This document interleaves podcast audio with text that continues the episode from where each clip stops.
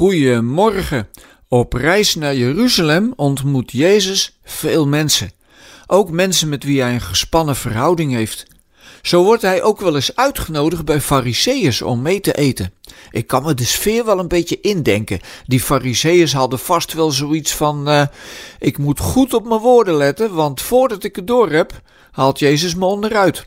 Dat deed hij inderdaad maar niet om die mensen, maar om wat ze soms verkondigden en waar ze zich achter verscholen.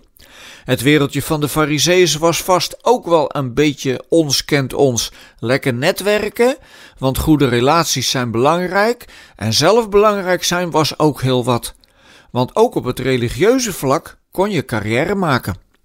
Nu was het in de tijd van Jezus zo dat als je met elkaar ging eten, de belangrijkste mensen een ereplaats kregen. Dat is eigenlijk nog steeds gebruik. Stel je voor dat Willem-Alexander op een staatsbezoek bij het diner in een hoekje van de tafel moet zitten. Zouden we toch gek vinden.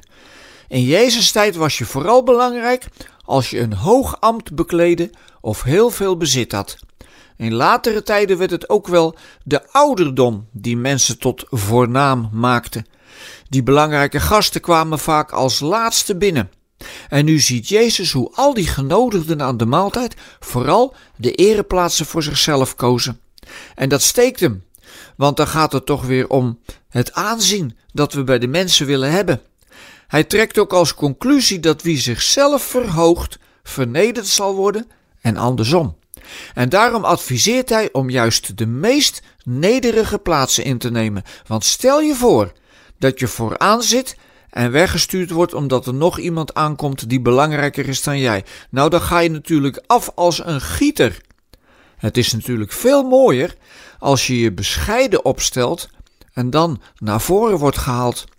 Elke keer weer lees je dat Jezus helemaal niets had met al dat aanzien dat wij tegenover elkaar willen verwerven.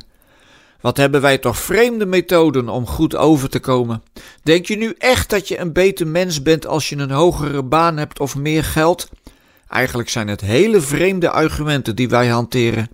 Want om een beter mens te zijn, kunnen uiterlijkheden nooit een doorslaggevende rol spelen. Dat vind ik zo goed aan de huidige paus. Die moet helemaal niets hebben van luxe en wilde. En hij hamert er ook voortdurend op bij de kardinalen en bisschoppen die soms in luxueuze paleizen wonen. Als je een mens van aanzien wilt zijn, moet je je juist klein maken. Want in Gods koninkrijk heb je aanzien als je je laat vullen door Zijn liefde. Dan heb je dat aanzien niet vanuit jezelf, maar omdat we geloven dat die liefde het allerwaardevolste is dat er bestaat. En al die mensen die juist in de ogen van veel mensen totaal geen aanzien hebben, worden in die liefde meegenomen.